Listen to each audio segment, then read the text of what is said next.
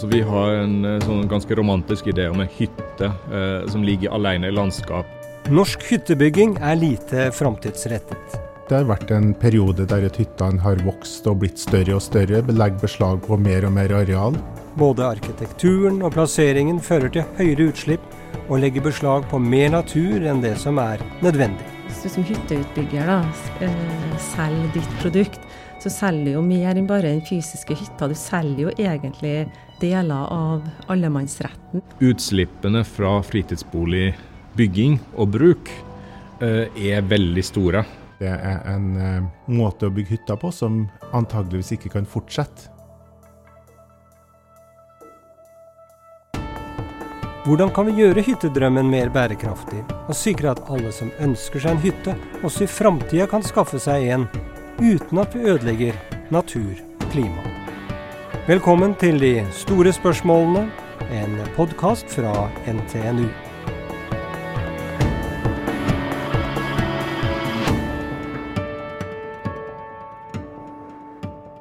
Den norske hyttedrømmen, hva består den egentlig av? Det er lørdagsmorgen på hytta.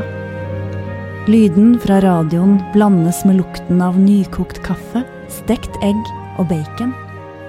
Snart skal familien samles rundt frokostbordet, slik hyttefrokoster alltid har vært.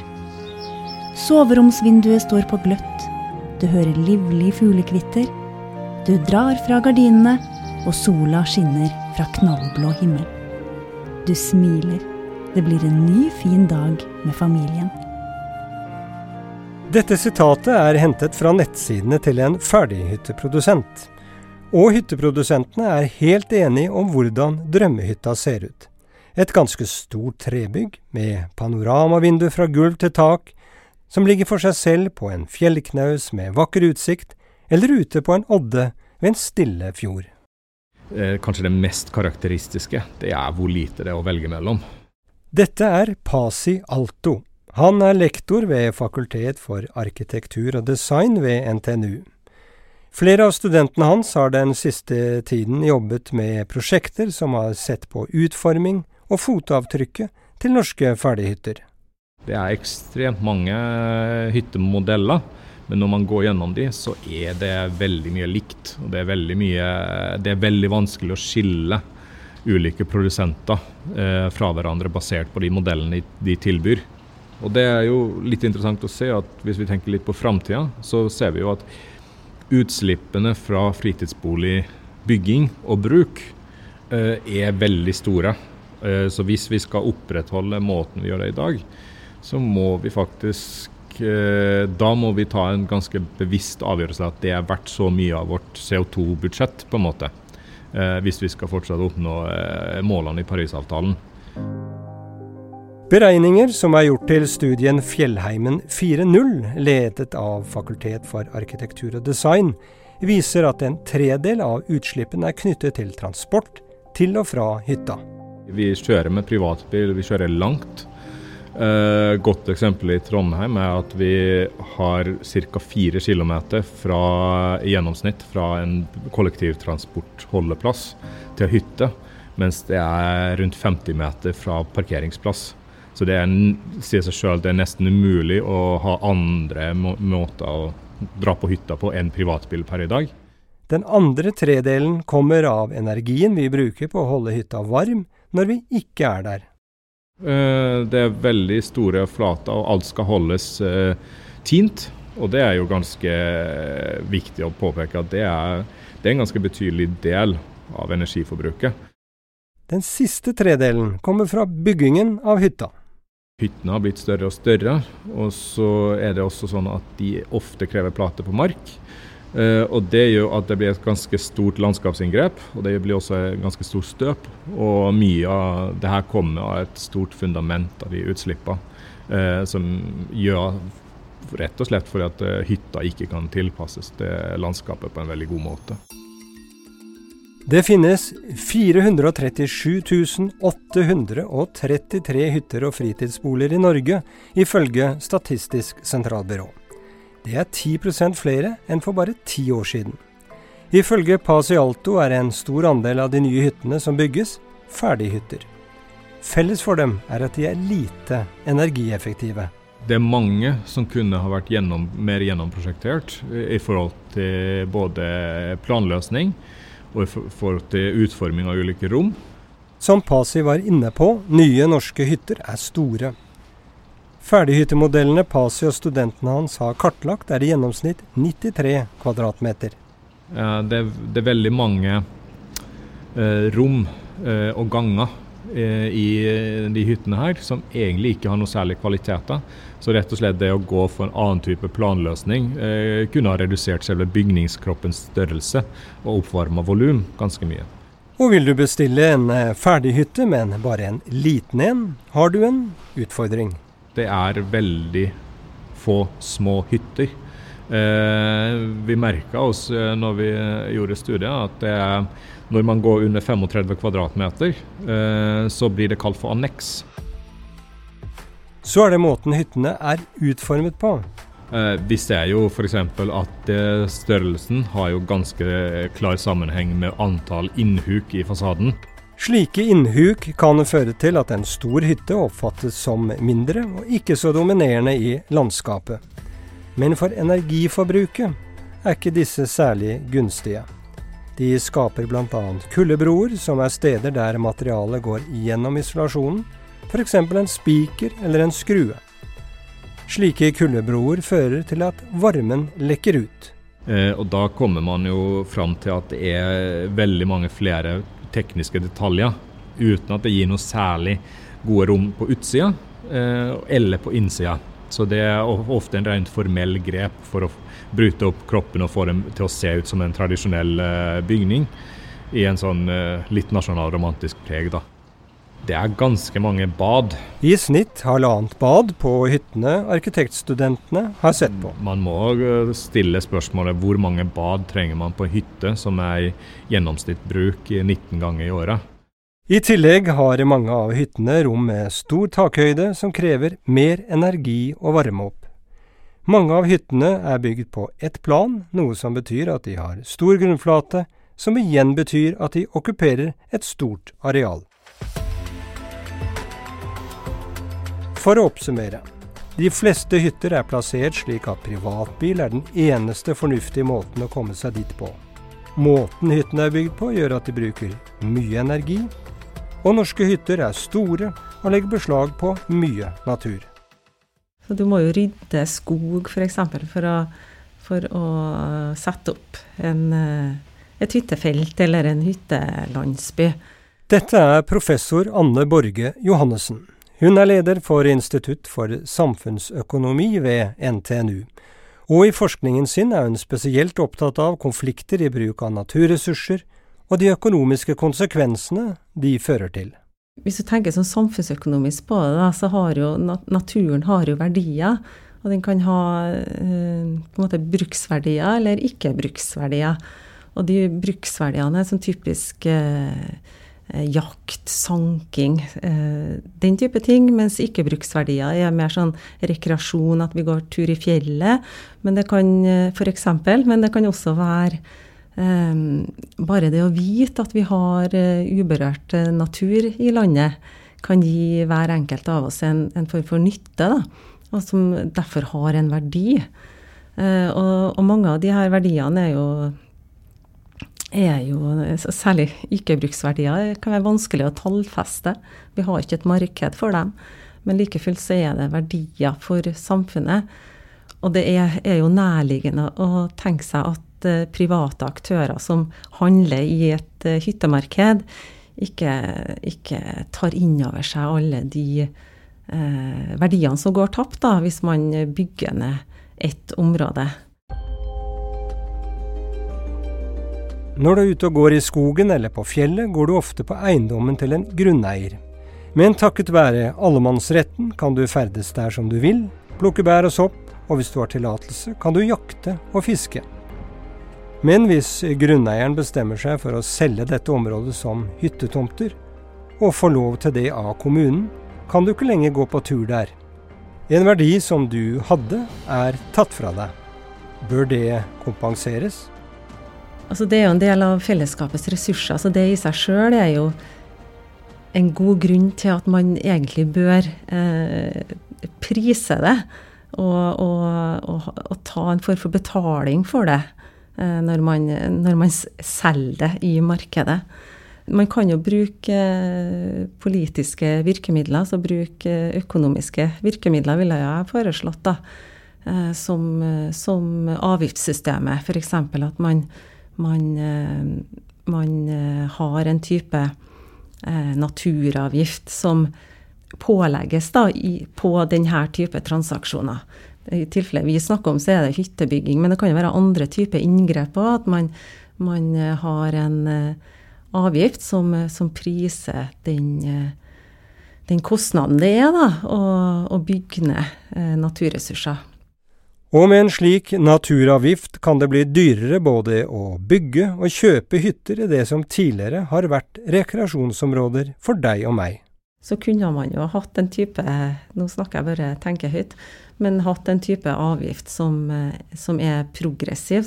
Som f.eks. at du Jo større hytta er, jo, jo mer betaler du, eller jo, jo dyrere hytta er, jo, jo høyere satsen. De som bygger og kjøper hytter, tar altså ifra oss andre muligheten til å ferdes i området der hyttene bygges, uten at vi som samfunn får noen kompensasjon for det. Det har tidligere vært gjort forsøk med naturavgifter, men det har vist seg å være ganske vanskelig å få til. Kanskje særlig i forbindelse med den havbruksutredninga hvor det var foreslått en grunnrenteskatt på oppdrettsnæringa, altså oppdrettslaks. Hvor, hvor, man har Altså hvis man har store interesseorganisasjoner som, som, ikke ønsker å bli skattelagt, ikke sant, så, så kan man jobbe hardt for å unngå det. Og, og, politisk så kan det være vanskelig å stå imot det presset. så i tilfelle som vi snakker om f.eks. hytta, det blir jo helt hypotetisk, men det er lett å forestille seg at at eh, man eh, lokalpolitisk eh, så, så, kan man eh, bli blenda av at eh, utbyggere kanskje overestimerer f.eks. verdien av det å, å, bygge ut et område som et uh, hyttefelt, f.eks. Det kan være vanskelig å motstå uh, politisk. Og kanskje særlig når det er vanskelig å sette verdier på på en del av disse naturkostnadene. Den norske hyttekulturen er med på å øke utslippene våre, og den legger beslag på store naturarealer. Hvis vi legger til grunn at bærekraftsmålene skal gjelde for norske hytteområder også, må noe gjøres. Det har vært en periode der hyttene har vokst og blitt større og større, legger beslag på mer og mer areal. Folk har uh, forventning til å ha den samme komforten på hytta si, om ikke større komfort, enn det de har hjemme. Og det er klart at Da er det både energikrevende og det bunnlegger ganske stort areal hvis du skal få til det. Uh, du vil ha behov for infrastruktur som gjør at det også legger beslag på store areal det er en stor uh, belastning for natur utover det at det faktisk er en direkte belastning, for det kan gå på dyretråkkløs, det kan gå på flora, det kan gå på faunaen vår. Sånn at det er, det er nok mer belastende på natur enn det vi har likt og trodd tidligere. Så jeg vil tro det at det er en måte å bygge hytter på som antageligvis ikke kan fortsette når vi har undertegna avtaler som sier at vi skal gå ned både i utslipp og vi skal bevare natur i mye større grad sånn som natur er. Geir Arild Espnes er til vanlig professor i psykologi ved NTNU, men er nå ordfører i Oppdal i Trøndelag. Kommunen med 7000 fastboende og nesten 4000 hytter. Et av målene våre er at Oppdal skal ligge fremst i Norge i planlegging og utvikling av bærekraftige hytteområder, eller sekundærboligområder, og hyttene. Ikke bare området, men også der folk skal bo. Vi skal være troverdig i bærekraftig hytteutvikling. og Vi skal ha et konkurransefortrinn for de delene av hyttenæringene som ønsker å tilby bærekraftige hytter. Så vi ønsker virkelig at dette skal skje veldig sterkt. Det er et, et, politisk engasjement, og det er et eh, administrativt engasjement. Og Nasjonalparken næringshage, som er en førstelinjetjeneste for kommunen, er også veldig interessert i at vi skal få det til. Så vi ønsker virkelig å være en sånn i gåseøynene en living lab, da, for å bruke et sånt engelsk uttrykk, for at vi skal få det her til. I Oppdal har hyttebygging foregått like lite bærekraftig som ellers i landet, men det skal endre seg nå. Da er det jo ikke sånn at vi tenker at det skal bygges færre hytter, for så vidt, men vi tenker at de er nødt til å bygge annerledes. Jo, eh, det er jo en viktig del av økonomien i Oppdal, de hyttene som bygges. og Derfor så må vi eh, fortsatt være åpne for at det skal bygges hytter, og at folk ønsker å komme på besøk til oss. Men vi er nødt til å tenke at de hyttene må være annerledes på den måten at de ikke skal det, skape det store avtrykket i natur og klima, og kanskje i, på grunn av den infrastrukturen omkring det. Oppdal kommune får 130 nye hytter hvert år, og politikerne ønsker nå å stille strengere krav til hvordan og hvor disse skal bygges. Vi har noe som vi snakker om som vi kaller for grønn fjellhageby, og da tenker vi at det skal legges ganske nær sentrum. Og da skal vi ha med oss alle de her eh, si, kravene til det vi tenker oss skal være de nye hyttene sine kjennetegn. Eh, samtidig så, så, tenker vi også at, at vi, det må finnes en, en sånn strekk i laget. skal si At noen hytter kan ligge nær sentrum og, og kanskje være mer som boligfelt fritidsboligfelt, sekundærboligfelt, men noen må også kunne ligge mer ute i naturen. Det som er viktig, er at vi ikke bygger i mer dyrkbar mark, og at vi da må ta til takke antageligvis mer i framtida med hytteområder som ikke har vært så eh, kanskje sett på som så attraktive. Men så er det jo noe med, med hva skal jeg si det, det finnes jo en fascinasjon over å, å, være litt i villere områder, og ikke nødvendigvis være akkurat der det er flatt, sånn som det har vært ofte når du skal bygge store flater for å sette hytta på. Så jeg tror jo det at de aller fleste vil finne muligheter fortsatt i Oppdal, eller jeg er temmelig sikker på at de aller fleste vil finne muligheter i Oppdal for å få ei hytte som er tilpassa dem. De føler at det er deres hytte. Men det vil også være sånn at uh, det vil nok bli satt strenge krav for framtida til hvordan hytta skal være. Og så er det jo denne bilkjøringen, da. Det er fullt mulig å ta toget til Oppdal i dag, men å komme seg fra stasjonen til hytta er ikke så enkelt. Geir Arild Espnes har flere tanker om hvordan dette kan løses. Hvis folk kommer med toget, da, så kanskje står det Eh, elektriske busser, i hvert fall, som kan frakte folk omkring i sentrum, eller selvgående busser, da, i hvert fall. Eh, det er en mulighet. Kanskje står det en elbuss som kjører folk til de lengst unna de fjerneste hyttene, og plukker dem opp når de skal på å drikke latte da, eh, på, på sentrum, eller kanskje handle. Så det, vi har et stort potensial til å gjøre Oppdal mye mer bærekraftig gjennom den tida som kommer. Men da må vi starte nå, og det er det vi holder på å gjøre. Oppdal kommune planlegger å tilby bedre kollektivtjenester til hyttefolket. De vil stramme inn i reguleringsplanene for hvor de tillater hyttebygging, og de vil stille krav til mer energieffektive hytter. Men hvordan bygger man mer bærekraftige hytter? Vi har jo også eh, hatt eh, studentoppgaver nå i, i vår som har sett på hvor mye kan vi redusere utslippene Nå, hvis vi bruker eh, altså, prinsipper fra det mm, studiet som heter Sustainable Architecture.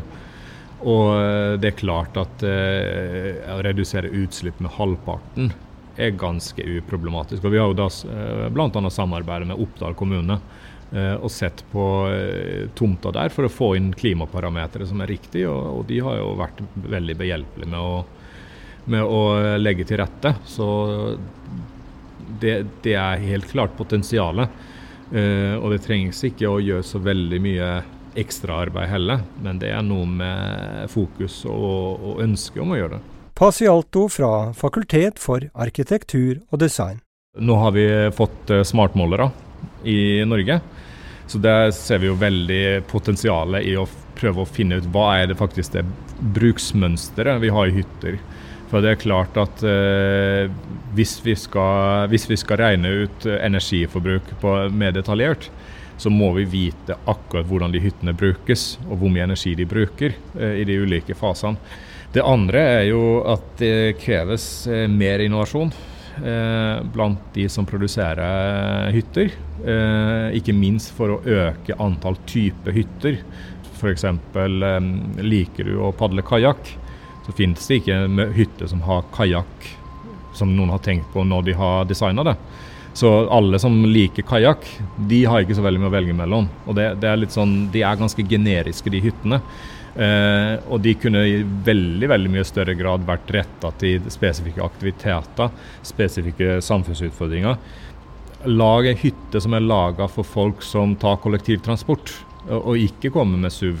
Eh, det vil se ganske annerledes ut enn det som er på markedet nå. Ferdighyttene som det bygges mye av i dag, plasseres på tomta kjøperen har valgt seg, uten at arkitekturen er tilpasset naturen rundt.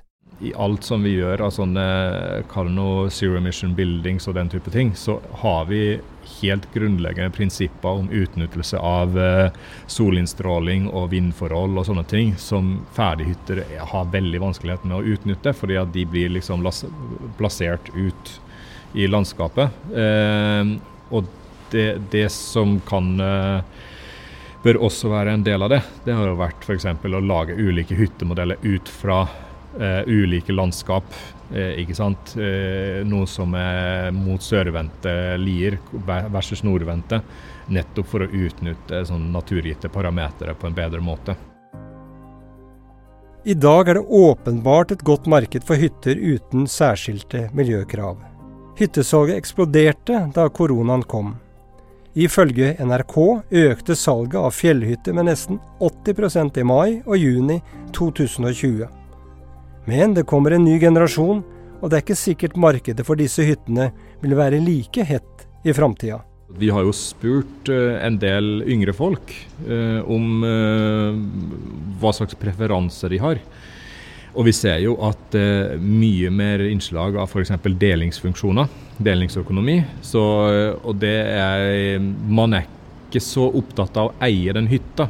Det andre er jo at uh, mange begynner å bli veldig bevisste på miljø. Og ser at f.eks. Uh, hvis det kan noe hyttebruket uh, gi de dårlig samvittighet i form av utslipp, så er ikke de så interessert. Eh, de ser jo helst ikke at det passer inn i de sin livsstil lenger å ha en hytte som har store utslipp. Så da vil man jo se på veldig minimale hytter. Uh, man vil se uh, deling av funksjoner, sånn som f.eks. badstuer og uh, prepperom for ski og sånne ting. Eh, og så ser vi jo at det er jo eh, en god del som ikke har førerkort, eller muligheten til å ha det transportmønsteret lenger. Og da må man jo kanskje tenke seg at hyttekommuner må satse på annen type transport eh, til og fra hytta. Og det er per i dag så er det mange hyttekommuner som har god kollektivtransport i sentrum. Men det er ikke-eksisterende fra sentrum til hyttefelta. Og, og det er det som kalles for last mile mobility, som er utfordringa. Per i dag så ville jeg kanskje som, eh, som kommune, hvis jeg, hvis jeg, hadde vært en kommune, eh, så hadde jeg jo kanskje fokusert på hva slags strategi skal man ha for å faktisk tiltrekke seg en nye generasjon hytteeiere som har høye klima- og miljøkrav sjøl. Og, og, finne ut hva er det man som kommune gjør for å legge til rette for at de blir uh, hytteeiere i den kommunen. For det er jo klart at det er ikke bare uh, pisk her, det er også en gulrot. For den, den gruppa ser ut til å vokse. Og det er jo klart at det, hvis man nå ser at uh, flere og flere ikke ønsker de hyttene som ligger strødd utover i landskapet, så vil jo de også miste markedsverdi. Og Oppdalsordfører Geir Arild Espnes vet at kommunen hans er nødt til å ta grep for at hyttene som bygges skal være attraktive for framtidige generasjoner. Det går ikke an å bygge det her uten at det finnes en økonomisk gevinst i det for de som skal legge ut. Så vi er jo nødt til å tenke at markedet skal endre seg i takt med de kravene som kommer til samfunnet for øvrig, om f.eks. E-, energinøytralitet, mindre avtrykk på natur og mindre avtrykk på, på klima. sånn at Eh, sånn som jeg leser den, den, unge generasjonen nå, da, så er de mye mer opptatt av det der enn generasjonene før seg. Mye mer opptatt av at vi skal bevare kloden, mye mer opptatt av at uh, vi ikke skal komme i en skvis eh, på sikt, når at vi legger opp løpet for hvordan vi skal bygge boliger og hvordan vi skal bo framover. Så jeg tenker at eh, vi er så heldige at vi har en ungdom nå som er mer og mer observant på det dette. Og så vi, ser vi også at det generelle markedet kanskje holder på å endre seg. Du har hørt podkasten De store spørsmålene fra NTNU. Podkasten er produsert av Historiebruket i samarbeid med NTNU Kommunikasjonsavdelingen. Randi Lillealteren er produsent og står for redigering og lydmiks. Anne Sliper Midling er prosjektleder og researcher. Og jeg heter Christian Fossen.